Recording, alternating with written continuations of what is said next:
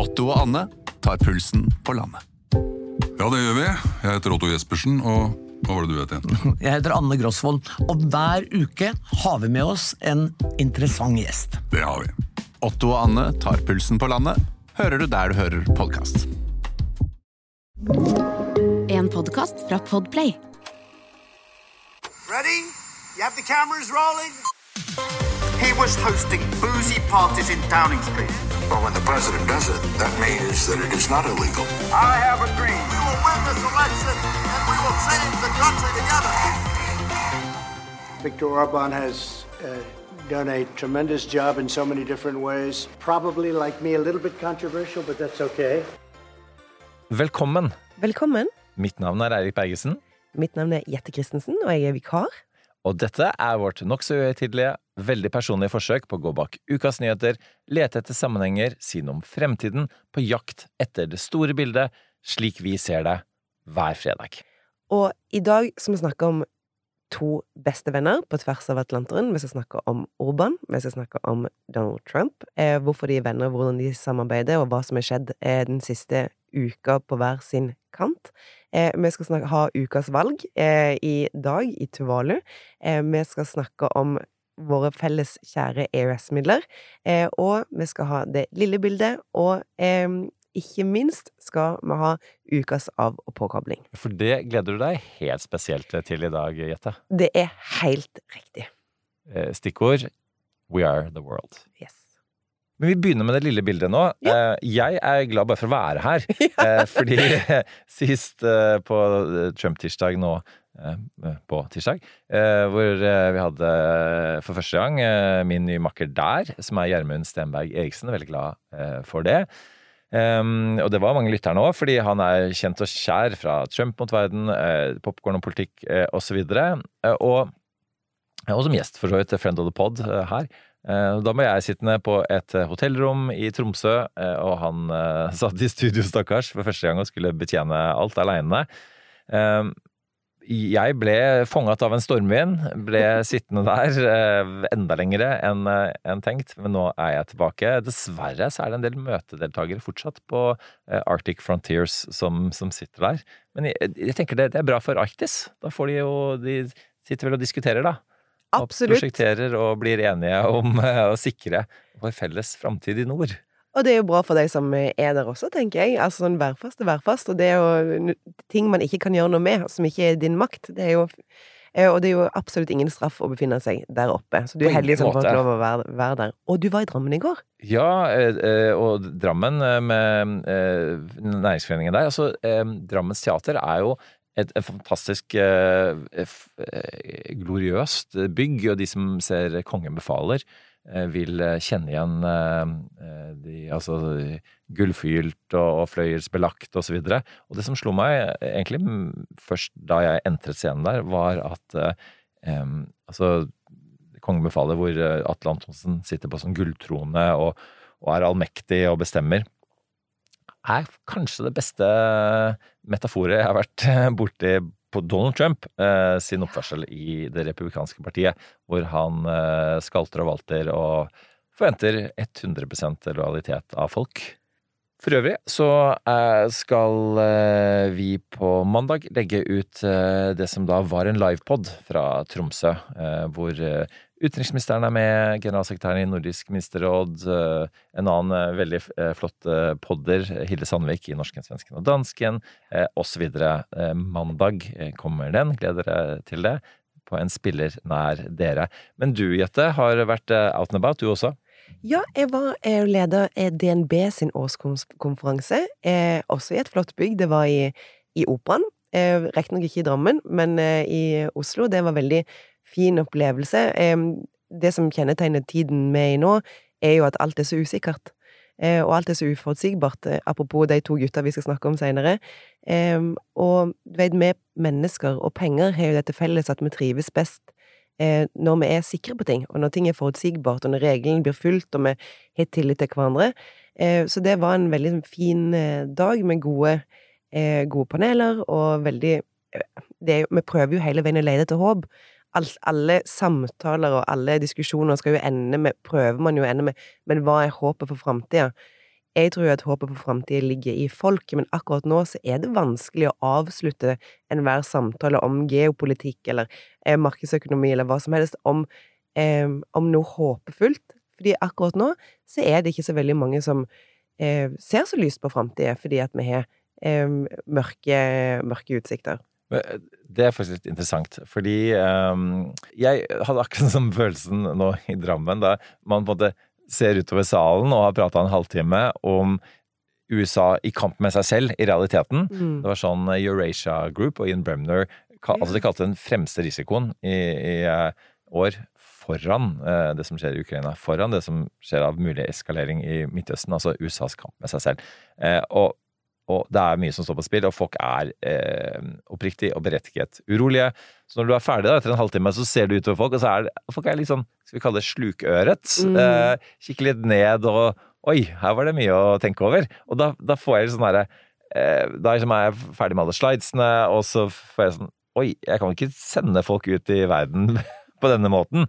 Eh, Etterlatt inntrykk, som arrangører liker å kalle dette her, eh, skal jo ikke være at, at eh, at, vi, at, måtte, det er, at det ikke er noe vi kan gjøre. altså En sånn type sånn fatalisme. ikke sant? Vi må jo, man må jo gi, Dette kjenner jo du igjen fra politikken. Man må jo gi folk en følelse av at det er faktisk mulig eh, å eh, hver for oss, ikke bare politikerne, eh, forbedre situasjonen. Så da, det er da jeg har etter hvert lært meg da, å dra opp en, noen sånne eh, håpefulle ting. Og det handler litt om at eh, ja, det er en del kriser vi vet om, det er en del kriser som vil komme som vi ikke vet om. Og så er det, og det gjelder også det håpet. Altså det er noen ting vi allerede nå vet eh, kan eh, funke, eh, og så er det noen ting som vil komme til å komme og skje uten at vi har forberedt det. Men jeg tenker sånn at det er bare at vi prater sammen, da. Det at Og da med, vi mener jeg stormakter og folk med ordentlig makt, Mm. er alltid eh, håpefullt. Jeg husker i UD så er det noe sånn som at ni av ti fredsprosesser feiler, men én av ti lykkes. Eh, hvis du putter enda mer inn i den trakten, da, så lykkes enda, enda mer. Eh, pluss at bare det å snakke sammen gjør jo at man da eh, ofte legger våpnene ned og, og går til møtebordet, og, og man prøver, i hvert fall. Um, og det, det er et håp i seg selv. Det er når man sitter i hver sin skyttergrav og skyter på hverandre, at eh, at det er vanskelig eh, å, å bringe noe eh, fred på, på, eh, til et forhandlingsbord. Men eh, eh, la oss gå over til det store bildet, Jette. Eh, fordi du, eh, fra ditt eh, ståsted i eh, Alltinget, som følger ekstra mye med på, på EU og sånn, eh, har eh, gledet deg til å legge fram en sak for oss i dag. Altså, denne torsdagen, altså i går eh, Det var knytta så mye spenning til torsdagen. Det var en thriller-torsdag eh, som ikke bare handler om EU, men den handler om Europa, og den handler om sikkerhet, og den handler om Ukraina, og den handler egentlig til sjuende og sist om Trump. Fordi alt handler jo om Trump til slutt. Eh, situasjonen med den at eh, EU skulle eh, bestemme seg for om hvorvidt de skulle bevilge støtte til Ukraina. Ukraina går tom for penger.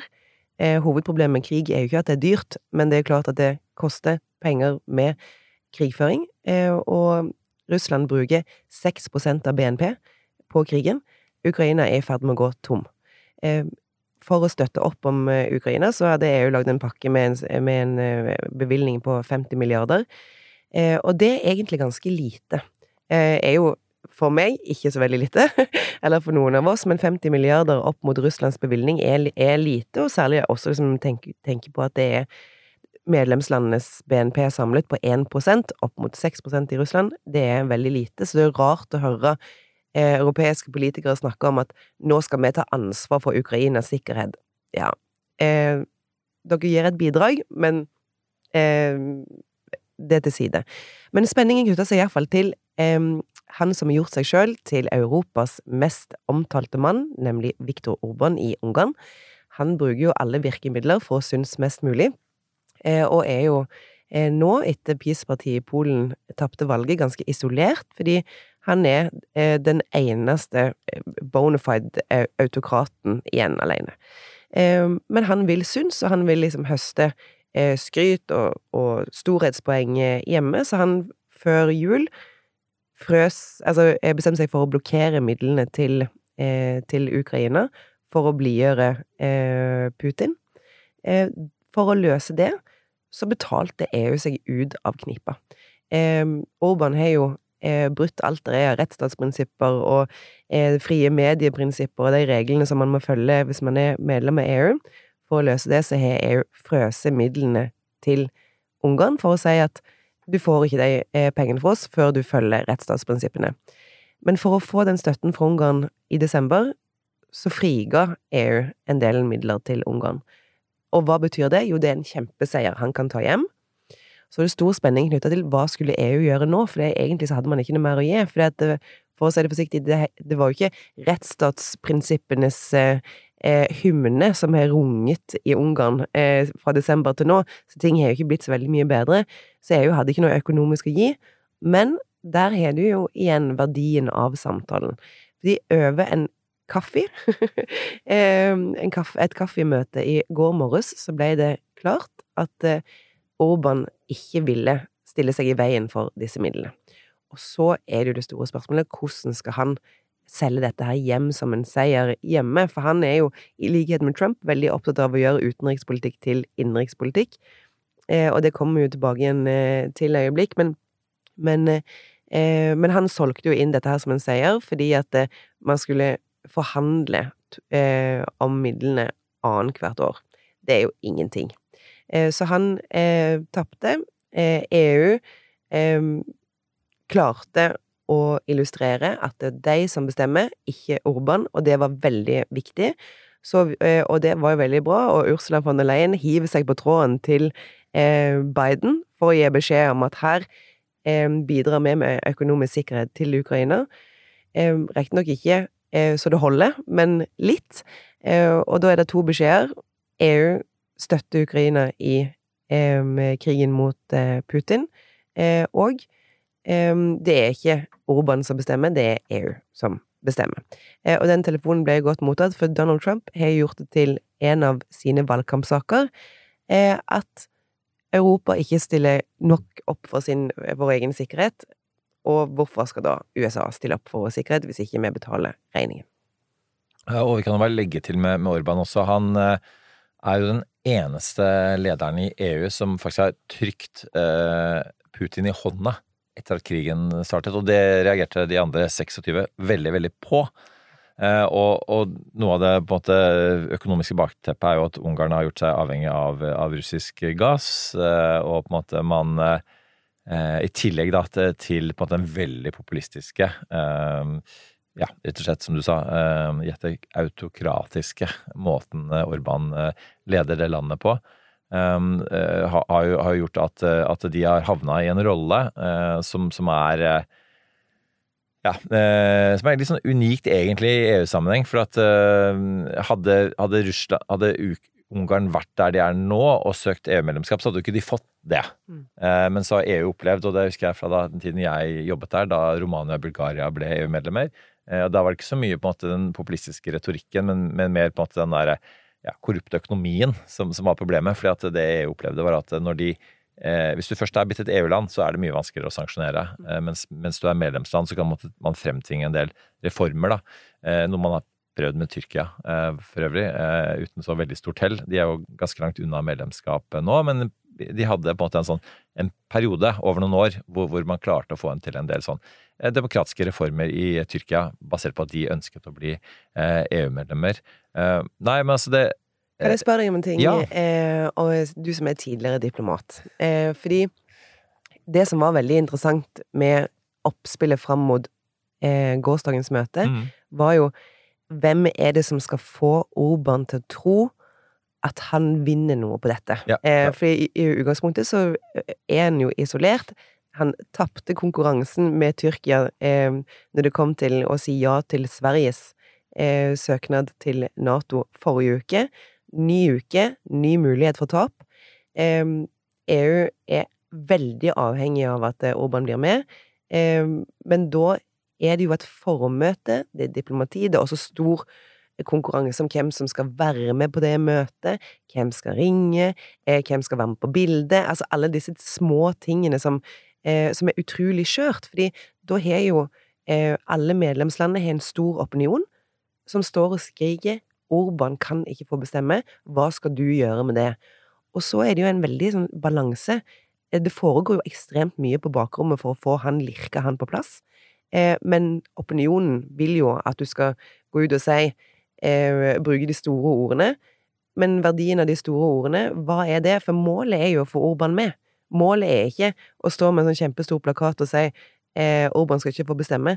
Så den balansen mellom oppslutning i egen opinion og det å få til det resultatet som opinionen ønsker seg, det er jo det som er diplomatiets eh, hodepine. Eh, så hvordan, eh, hvordan gjør dere det? Gjorde dere det i diplomatiet i din tid der? Tusen takk for det eh, spørsmålet, Jette. Og jeg hadde faktisk en lunsj med mine aspirantkolleger i, i forrige uke, og, og de eh, hver gang jeg kommer sånn Ja, er det den tydeligere diplomaten som kommer? Eh, så de syns det er litt eh, morsomt, da. At, eh, at jeg eh, nevner det. For nå begynner det å bli noen år siden, men nå er det du som nevnte det. Så det, det, det jeg sier som hei, det, det, det er andre som sier det. Eh, men vet du hva? Det, det som er, jeg kom med en helt konkret erfaring, da, med all respekt for de som fortsatt sitter dypt inne i forhandlingsrom i disse dager. Og et, et eksempel på det da, er fra, fra den gangen er at eh, Kosovo eh, skulle bli uavhengige, og så ville EU da at flest mulig EU-land skulle slutte seg til det. Men eh, som vi vet, så er det jo en del land som sliter med eh, intern separatisme, f.eks. Spania. Så myndighetene i Spania tenkte selvfølgelig at det var en god idé at Kosovo ble uavhengig, men hvis de anerkjente Kosovos uavhengighet, så ville de også eh, spørsmålet om, om katalansk uavhengighet og en rekke andre regioner eh, komme på bordet på en måte som ikke de ønsket seg. Så, så da kunne de ikke gjøre det. Ok, hva, kan man da gjøre, da, for å likevel på en måte å ha en, en sånn type sånn eh, samhold da fra EUs side? Jo, da eh, passet man på at alle landene var med på EUs sikkerhetspolitiske operasjon eh, i Kosovo, som het Eupol eh, Kosovo.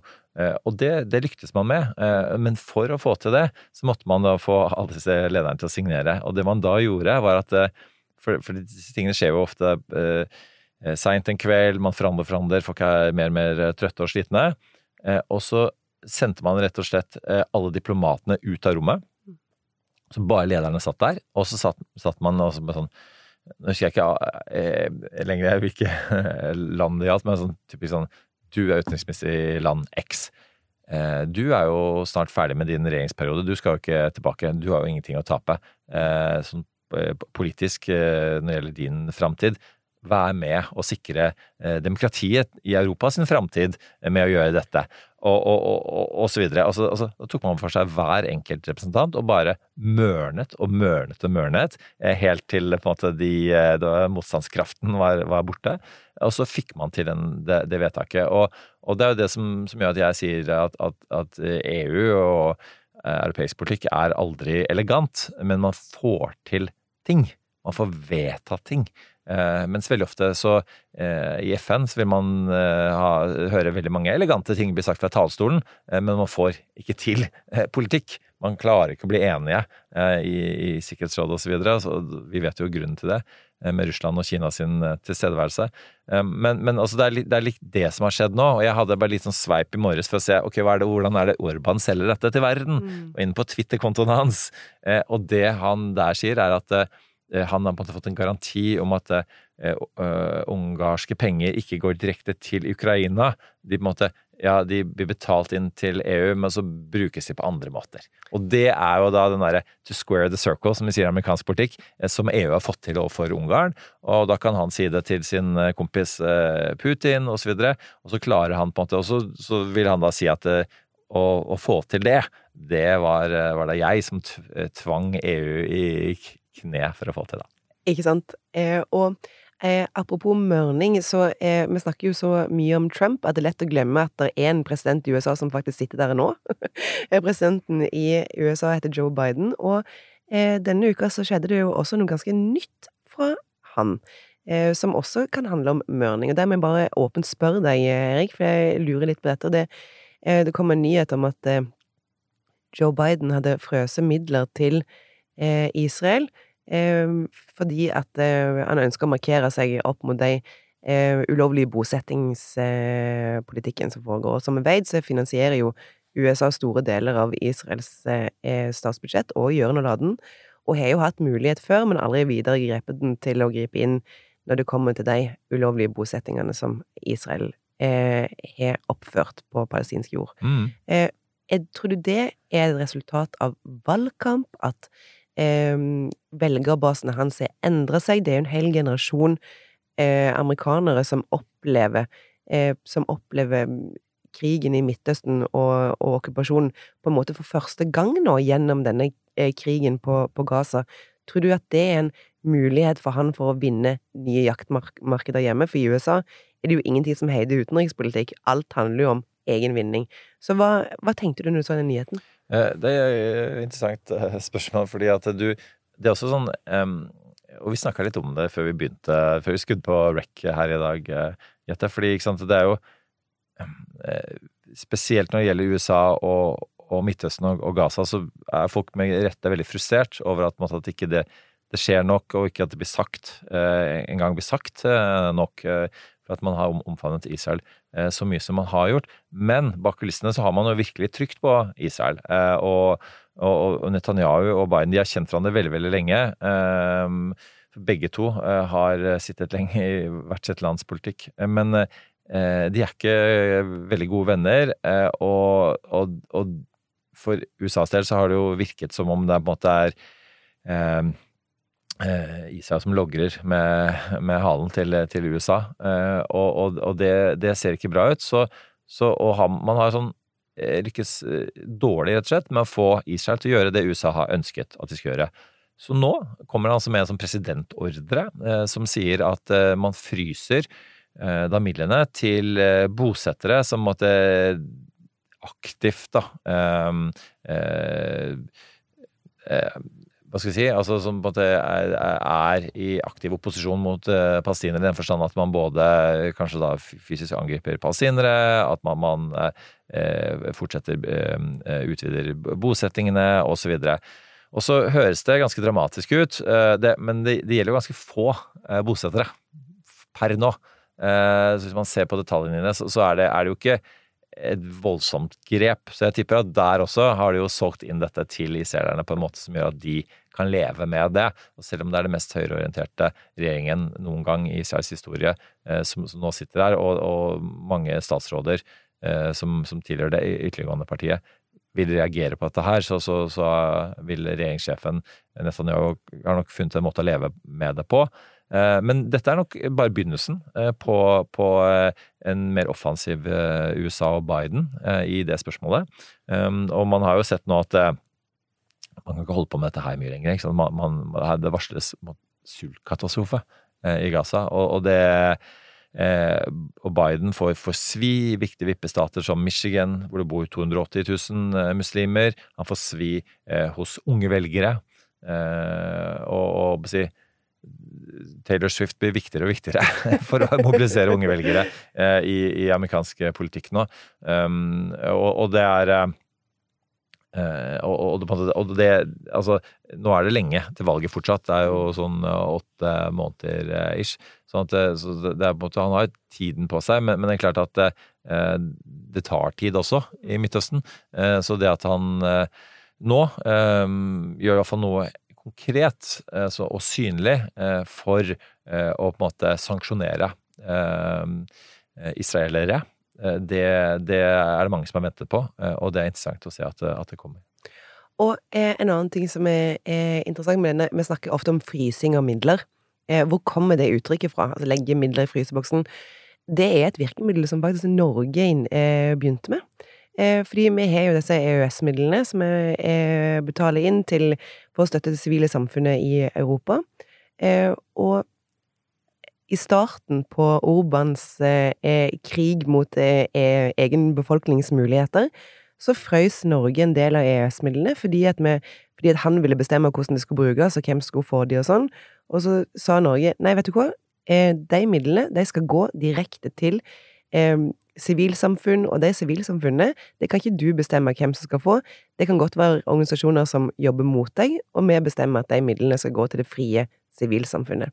Og etter inspirasjon av det, det var jo sånn EU til slutt våkna opp og så aha, hvis vi bruker dette virkemidlet, så kan vi si at dere får ikke penger hvis ikke dere følger reglene. Dere får ikke penger hvis dere ikke følger rettsstatsprinsippene. Så dette har jo da hatt en smitteeffekt, gitt eh, både EU et virkemiddel for å presse aspirerende autokrater blant sine medlemmer, og nå også gitt inspirasjon til USA. Så selv om vi er et lite land, så har vi faktisk mulighet til å ikke bare være et stille vitne til en samfunnsutvikling vi ikke ønsker. Vi kan eh, bidra, eh, ikke bare økonomisk, men også med politiske virkemidler og diplomati, da.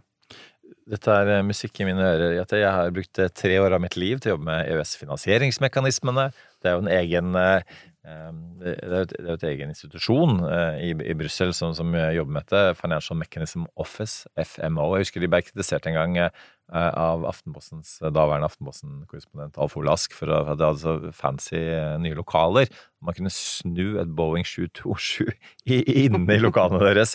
Eh, Så det, det sier jo på en måte litt om hvor stort det apparatet er, det administrative apparatet, men det skal vi være glad for.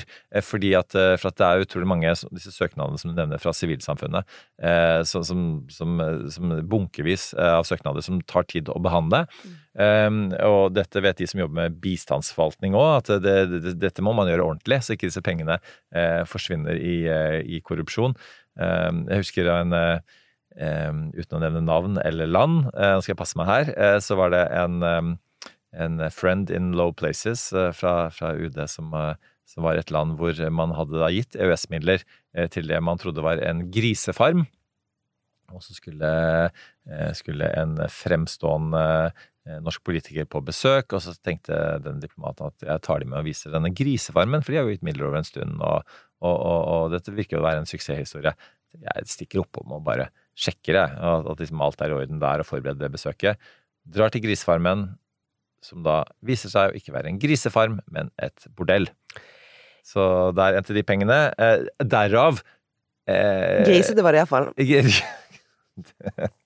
Eh, det, du skulle vært på Rorbua. Du, jeg var innom Rorbua faktisk på, i Tromsø nå, nå. Der skulle du vært. eh, Vi, skal, vi, vi, Rorbua, hvis jeg hører det nå, vi kommer gjerne og tar en special griseedition eh, av, av utenrikspolitikk. Nei, men altså, det, det er jo på en måte altså, Det er helt riktig det du sier, at vi kan fryse midlene, i tillegg til, til som sagt, å, å, å gjøre alt vi kan for at de skal gå til riktig sted i utgangspunktet. Men så er det interessant, liksom, la oss si at du hvis du har mye penger, da, som Norge har, og det er, det er mye penger som går til EØS, eh, så eh, så, så er det, tenker man oi, da er jo sikkert folk veldig glade for å få disse pengene, og takknemlig og hedre Norge eh, i internasjonale og hjemlige media. Nei, det er jo ikke sånn, fordi la oss si at du Um, altså du, du vinner masse penger i Lotto, da, og så bestemmer du deg for å være litt gammel, og så gir du litt penger til, til, til familie og slekt og venner osv., og, så og så vil noen være veldig veldig glad for det. Og så er det noen som tenker sånn hm, hvorfor fikk ikke jeg penger, eller hvorfor fikk han så mye penger, og jeg så mye mindre penger, og så. Så du, du blir, går veldig raskt for å være den eh, lokalmiljøets mest populære til eh, minst populære person, og det er det som er historien med disse pengene òg. Spesielt i Polen, da, som vi gir veldig mye penger til, for det er et stort land. Um, så, så, så er, vi, er det stadig sånne negative saker om, eh, om Norge i mediene, spesielt når det er sånn lokalvalg og sånt. For da er det mange som sier at hei, hvor, eh, Norge har lovt oss så så mye penger, men hvor, hvor er pengene? Og grunnen til at jeg som eh, ordfører og sånn, sånn eh, ikke har gjort det og det, er at de norske pengene eh, ikke har kommet. Ja, og grunnen lovet. til at de norske pengene ikke er kommet, det er fordi du har etablert en LHBT-fri sone i kommunen din, Ja. for eksempel. Sånn at Ja. disse pengene Det er veldig lett å tulle med EØS-midler. Eh, og mange ganger så hører man historier om at eh, man bruker penger på ja, bordell, eller eh, Ikke veldig mange ganger, eh, heldigvis. Nei, nei, eller sånn eh, Nei, ikke veldig mange ganger. Én gang har man hørt det, Ja. eh, og det var her. You heard it here, first and last. Eh, eller til å pusse opp museum og sånn, men først og fremst så går det jo Det går jo Disse pengene går jo ikke til land. Sant? Det er grunnen, grunnen Nettopp. til at Det står i avisen i Polen at Norge er slem og dum pga. EØS-midlene, er jo fordi at for det første så det jo, var det jo da på den tida fullstendig statkontrollert presse. Eh, så pressen skrev jo det som tjente eh, regjeringen, og regjeringen var jo overhodet ikke tjent med at de pengene skulle komme i det hele tatt. For hvor gikk de pengene til? De pengene gikk til å støtte sivilsamfunn, å støtte kvinneorganisasjoner, å støtte dommerorganisasjoner som jobba for at de kunne få lov å gå på jobb og ikke få vilkårlig sparken. Og det var jo på grunn av de midlene at sivilsamfunnet og opposisjonen klarte å mobilisere nok til å ikke få den regjeringen gjenvalgt. Så det har jo Vi unngikk jo eh, å finansiere en valgseier til eh, et sittende, eh, aspirerende autokratisk parti. Så det er jo en stor verdi, og Polen er jo eh, i dag, når det ikke er en regjering lenger, er veldig takknemlig for den støtten. Eh, Og eh, nok eh, en eh, liten hyllest til min, mitt hjertebarn EØS-midlene, eh, er jo at, at eh, eh, som regel så må du også ha en, en norsk aktør som du samarbeider med, altså den eh, organisasjonen i, i medlemslandet. Eh, Sånn at dette kommer også eh, norske aktører til gode. Bare så det er klart for alle antiglobalister der ute. Det er fornuftig, og, og i år er det jo er jo et 30-årsjubileum da, på EØS-avtalen. Vi får ta en egen episode eh, på det og, og snakke litt sånn i dybde om hva det faktisk innebærer. Men, men dette er iallfall en måte som, som vi kan være med å fremme demokrati der ute. eh, Med, Og- med og disse det er derfor- det er viktig. Og det er derfor, altså for tilbake til det store bildet, eh, hva er det vi betaler for? Eh, hva, hva er det disse midlene går til? Hva er, hva er poenget? Jo, poenget er at eh, sivilsamfunn eh, i Europa er sikkerhetspolitikk for Norge. Fordi jo flere land som er demokratiske, jo mindre farlig er det å være et demokrati som Norge er. Vi blir utsatt for destabilisering hele tiden. Eh, liberale demokratier er i mindretall. Det å sikre stabilt styresett eh, med fri presse, eh, en operativ rettsstat, det er ren og skjær sikkerhetspolitikk. Så det er jo ikke bare, det er ikke bare for å være grei, det er også veldig til egen, til egen vinnings skyld.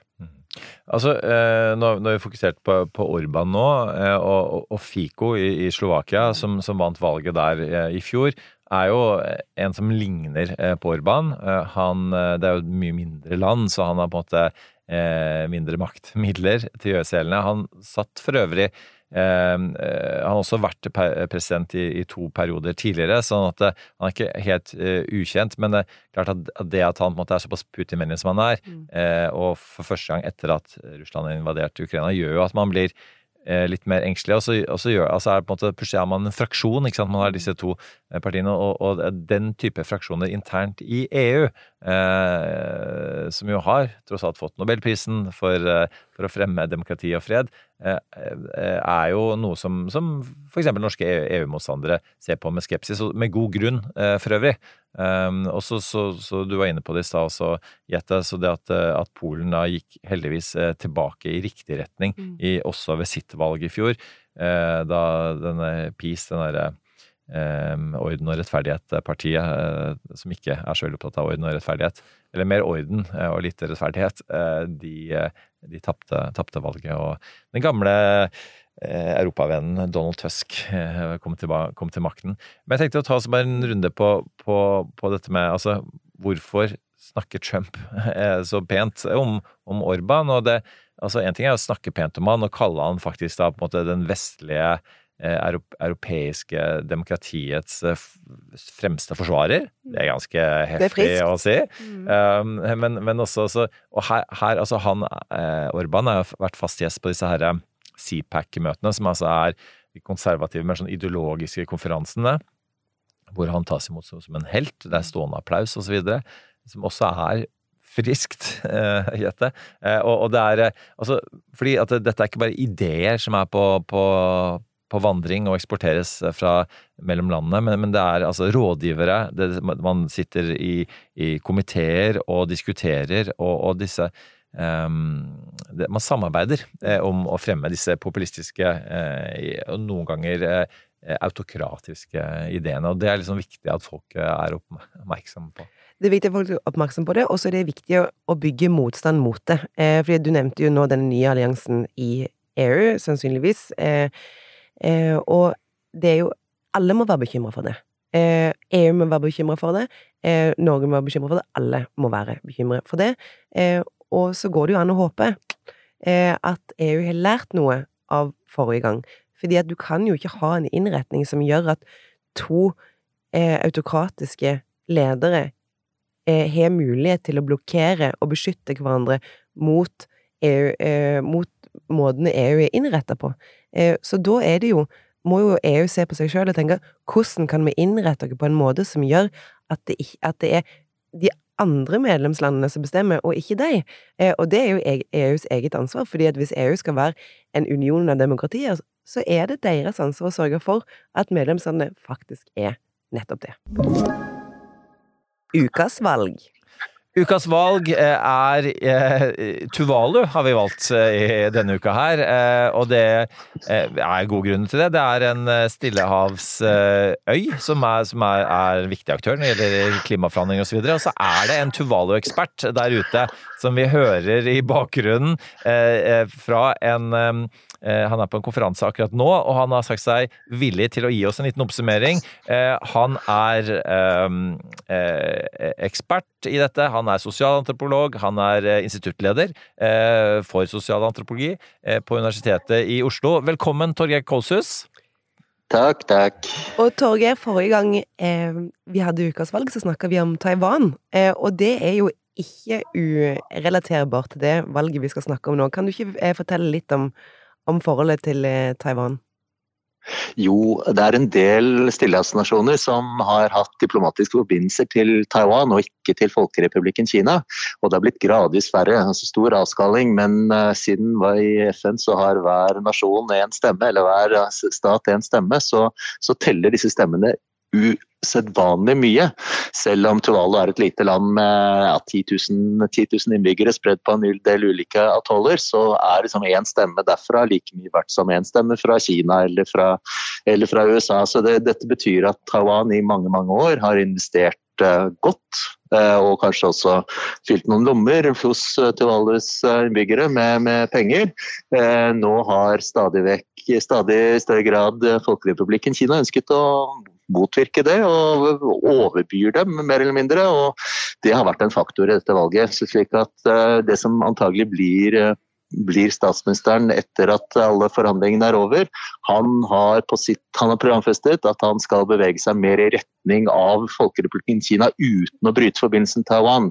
Eh, slik at de skal prøve den, den balansekunsten som mange andre stillehavsnasjoner, som Solmonøyene bl.a., har bedrevet i mange år, og forsøke å høste det beste fra begge, eh, begge parter i den konflikten. Så det har vært én viktig dimensjon. Men i tillegg så er det mange andre. Dette her er jo, eh, om ikke et Norge i miniatyr, så det er veldig store forskjeller, men én likhet er det. Og det er at eh, dette her er øyer som små atoller som er spredd utover et eh, ganske stort område. Og det betyr også at det er en distriktspolitikk involvert her.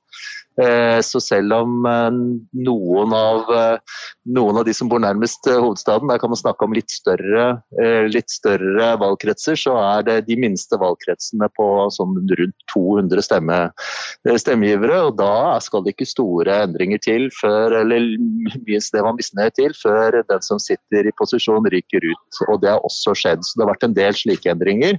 Det er jo folk som bor i regionen eller i ulike regioner lengre, fra, lengre vekk fra hovedstaden, har eh, vært misfornøyd med det de har fått. Og da satser de på en ny representant, og stort sett en mann, som de tror kan kjempe deres sak. Så det er sentrum-periferi-problematikk også i Stillehavsøyene? Også i Stillehavsøyene, og kanskje vel så sterk grad der som det vi kjenner her hjemmefra. Og den er strengt tatt en faktor i nesten alle valg over hele kloden. Kan jeg spørre hvordan... Mulig inntrykk av Singapore, men ellers, ellers er dette et element. Altså. Kan du fortelle litt om hvordan valgkampen eh, gikk? Altså, hvordan utspiller den seg, eh, siden det er så få små valgkretser? Altså, eh, er det valgdebatter på TV? Er, er det grasrotvalgkamp? Hvordan, hvordan har valgkampen vært? Og har det vært et fritt og rettferdig valg, ikke minst? Ja, det er fritt, fri og rettferdig valg. De har valgkretser på samme måte som altså det som altså Westminster-systemet, der hvor du har én mann, én krets, og den first, first past the post, altså den som får flest stemmer, vinner hele, vinner alt. Så det er, og det har sine fordeler og ulemper, det vet vi alle. Vi har, vi har, vi har fordel, vi har valg, altså antall representanter fordelt etter, etter, etter relativt stemmeantall, og da blir det litt mer rotete. Men det betyr også at hvis jeg stemte på noen andre enn den som representerer meg, så kan jeg fremdeles i Tuvalu da kreve, regne den representanten som min. Og det er, en, det, er en, det er en liten fordel her, og spesielt ettersom dette her de, de, er ment å målbære interessene fra disse ulike atollene. Så valget er absolutt fritt, og det er åpent, og det er et det, det, jeg kjenner til fra, fra Tuvales valgkamper, er på avstand, det er nettopp det at diskusjonene foregår respektfullt. og For det ligger i, i den måten de forholder seg til autoriteter på, men samtidig skarpt nok til at du får fram tydelige politiske forskjeller.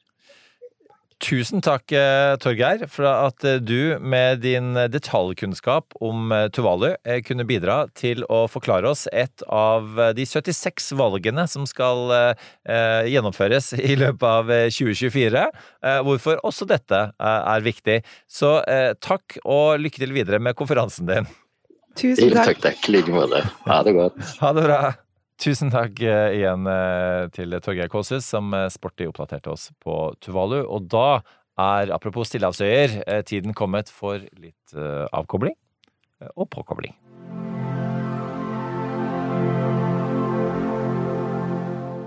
Jette Christensen, take it away. Altså, i denne uka her så har jeg kobla på med Medborgerpanelet, som er et forskningsarbeid fra Universitetet i Bergen. De har målt medborgernes tillit, både til redaktørstyrte medier, og som en podkast er det viktig for oss, for oss, å understreke at vi er veldig for redaktørstyrte eh, medier. Eh, og det er veldig Hvis viktig noen skulle lure på det. Ja, eh, og det er viktig å beholde det i et fritt åpent demokrati som vi er. Eh, de har iallfall målt tilliten eh, til norske borgere, både til presse, men også til politikere og institusjoner, over en tiårsperiode. Veldig interessant, grundig og godt arbeid. Um, og tidligere så har man sagt at ingenting påvirker tilliten til det norske uh, politiske systemet. Tor Midtbø hadde et veldig godt arbeid fra 2006, der han viste at hvis uh, politikere gjør dumme ting, uh, så straffer man politikeren, ikke partiet. At partiene ikke mister oppslutning, og det er heller ikke noen påvirkning på det politiske systemet. Nå har man sett en endring. det har aldri blitt målt så lav tillit, verken til politikere eller den politiske institusjonen Stortinget, siden de eh, medborgerpanelet begynte disse undersøkelsene. Det er Dette kommer til å høres rart ut, men det er litt bra. Eh, fordi det betyr at man, velgerne, opplever en uro, eh, og da re reagerer på det. Det betyr jo at demokratiet virker. Det betyr at velgerne svarer på, på det som skjer, og reagerer på det som skjer. Fordelen med undersøkelsen, og det som er gullet her, det som gjør at vi kan gå videre og bygge opp, er at et overveldende flertall fremdeles støtter opp om demokratiet som styresett. Og det er jo det som er det aller eh, viktigste, fordi politikere kan komme og gå, eh, og det at velgere har lavere tillit til enkeltpolitikere, det er et gode. Stoler du ikke på politikeren, så kan du stemme på noen andre ved neste valg. Og det er utrolig viktig eh, at du sier, eh, Jette, for det, vi, vi, er jo med god grunn stolte av at vi har høy tillit i, eh, til demokratiet vårt, og, og, har hatt det til politikerne våre og de, jobber i byråkratiet og media osv. Men eh, høy tillit i seg selv er ikke et mål. Er, målet er jo en, en, tillit som samsvarer med den tilliten man vises. Eh, som andre ord, eh, hvis, hvis, man svikter innimellom, så skal det faktisk ha konsekvenser. Og sånn har det ikke alltid vært i det norske samfunnet. Vi har vært kanskje litt for tillitsfulle, eh, og, og, og det skal også makt, folk med makt kjenne litt på at, at ting har konsekvenser. Så det, det, det, er viktig. Og apropos, da, i disse dager med, med en statsråd som har gått pga. plagiat, en annen statsråd som eh, foreløpig sitter mens man skal avklare eh, hva som faktisk har skjedd, eh, så er det jo eh, god grunn til å minnes om at disse tingene har konsekvenser. Helt riktig. Og så er det jo norske velgere er jo veldig godt er jo eh, folk, og jeg forstår at politikere er folk, og at feil kan skje. Men det som er viktig for å opprettholde eh, tilliten til systemet, er systemets reaksjon på det som skjer, og skille mellom hva var en ærlig feil, og hva var juks og lurefanteri. Eh, og det er det som er avgjørende å få fram, få det store bildet. Hva har skjedd? Eh, hva var motivasjonen for at det skjedde? og hva er reaksjonen? Og den reaksjonen, den må samsvare med eh, velgernes oppfatning av eh, sammenhengen mellom handling og konsekvens, fordi det opplever vi alle sammen. Eh, så da eh, er det jo veldig avgjørende viktig at det er forutsigbart, og at det er likt, og at det resonnerer med, med måten reaksjoner kommer ellers i samfunnet på. Hva har vært din påkobling denne uka? Ja, Erik? du, ehm, eh, jeg ehm, eh, har eh, koblet meg på eh, det her eh, si, bøtteballetten av amerikanske podkaster. eh, som eh, nå, nå må man være Nå må man følge med rundt hver eneste sving, for nå er det så mye som, som skjer. Eh, så, så nå eh, må man liksom legge liksom disse eh, bøkene litt til side og, og, og, og lytte på det aller siste. Og der vil jeg anbefale en, som, en podkast som heter Hacks on Tap, som er en av de få tverrpolitiske prosjektene som finnes i amerikansk politikk. Det er David Axelrod, som da mange vil kjenne som stabssjef hos Barack Obama, eh, og Mike Murphy, eh, som, eh, som eh, har tilsvarende funksjoner på republikansk side, eh, f.eks. hos eh, John McCain. Eh, og så er det en som heter Robin Gibbs eh, i tillegg, som er med innimellom, som eh, eh, prater om eh, Ja, liksom fra hver sin eh, kant, da, eh, i disse strategiske bakrommene. Og, det er eh, mye å lære om, for at nå er det strategi. Eh, nå er det, eh, er det liksom battleground states og battleground eh, saker. Eh, og, og ja, vi, vet at det var 30 000 stemmer som skilte i tre viktige vippestater eh, i 2016, 70 000 eh, i 2020, så det kommer til å være utrolig teit. Eh, og um, Life's a game of inches, som det heter igjen i Given Sunday, og det er ikke bare i fotball, men det er også i, uh, i, i politikk. Så den er vel verdt å følge med på. Og så har jeg noen um, fordi at nå som John Stewart uh, har kommet til- tilbake, han uh, begynner nå i februar, så har jeg vært litt sånn på, på humorkjøret. Så jeg vil um, anbefale to ting. Det ene er eh, Yearbook, en bok av eh, Seth Rogan, som er altså utrolig morsomt. Eh, Hvis man hører på lydbok, noe jeg ofte gjør, så er det han som leser. Det er veldig, veldig gøy og tøysete og tullete. Og jeg vil også slenge inn Conan Needs a Friend, som er en kjempefin podkast. Den aller beste episoden noen gang, da må man noen måneder tilbake i tid, det er med Harrison Ford. Eh, som altså er eh, må være en av verdens eh, mest deadpan, tørrvittige personer. Han er liksom alltid han er ett steg foran Conan O'Brien i hele intervjuet eh, og har comeback eh, på alt. Eh, det er ellevilt. Jeg lo høyt på toget fram og tilbake til Drammen i går. Så det anbefales. Og så vet jeg at du også er en populærkulturell kulturell på Altså med avkobling blir det da. Det er helt riktig, og dette her var virkelig avkobling. Det, jeg har sett en film om eh, We Are The World, altså the making of We Are The World, og den filmen er altså så gøy. Eh, Dette er jo så- sangen, ikke sant? Det er sangen We Are The Aid, World. eh, ja. Live Aid, 46 artister som samles med alle sine egoer og skinnjakker eh, og boots.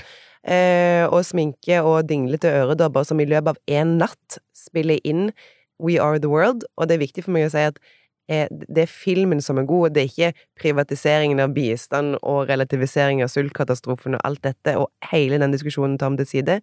Av og til så er det sånn Dårlig sak, god film. Eh, og dette her er virkelig eh, en anbefaling til helga. Den filmen ligger på Netflix. Altså, eh, når de står der og har kommet sammen i rommet, og de sier eh, hvis eh, noen slapp ei bombe i dette rommet, så ville John Denver vært tilbake igjen på topplistene. Eh, Waylon Jennings tramper ut av hele situasjonen, fordi de begynner å diskutere om hvorvidt de egentlig snakker swahili i Etiopia. Det er jo noen ting som det går an å avsjekke før man begynner å lage en sang til støtte for eh, landet. Altså, det er en oppvisning av egoer som er helt fantastisk, morsom å se på, og alle disse artistene og måten de eh, nærmest skriver denne sangen her på dugnad, og nå er det min tur å synge, nå er det min tur å synge, og Karen Jennings gjennomfører altså Eh, hvis du lurer på hva ordet pick, me vibe, eller begrepet pick me vibe betyr, så kan du se den filmen og bare se på måten hun prøver å trykke Cindy Loper så langt vekk fra mikrofonen som overhodet mulig, fordi at her skal jeg fram. Det er, er veldig gøy, eh, og eh, ikke minst eh, et herlig gjensyn med stil. Alle disse artistene er absolutt eh, verd, eh, verd å se. Og for de som måtte lure på om at en gjeng kjendiser kommer sammen og synger, om, om det betyr noe. Det er noe sånn idealistisk, naivt og fint med det. som man synger i sangen, den norske varianten altså, 'Sammen for livet', eh, eh, eh, tro at det kan nytte med sang. Som altså er refrenget der. Jeg vil gjerne se en dokumentar om Sammen for livet for øvrig. Eh, make it happen. Altså, Hanne det Krogh, hvis du hører på nå. Eh, så dette, dette, dette, vil vi, dette vil vi se en dokumentar på. Og, og for en som, som bare føler at en fest aldri er fullstendig vellykket før alle festdeltakerne, før man går hjem, samles i en ring og synger eh, sammen We Are The World, eh, så gleder jeg meg helt enormt til å se dette. Eh, enda mer eh, nå når du har gjenfortalt eh, Jette. Så med det, eh, eh, takk for at dere har eh, lyttet. Eh, ha en eh, flott eh, helg og en fortreffelig neste uke. Så lyttes vi eh, faktisk allerede på mandag på eh, den livepoden fra Arctic Frontiers i Tromsø. Tirsdag på eh, Trump-tirsdag med Gjermund. Og igjen eh, fredag med deg, Jette.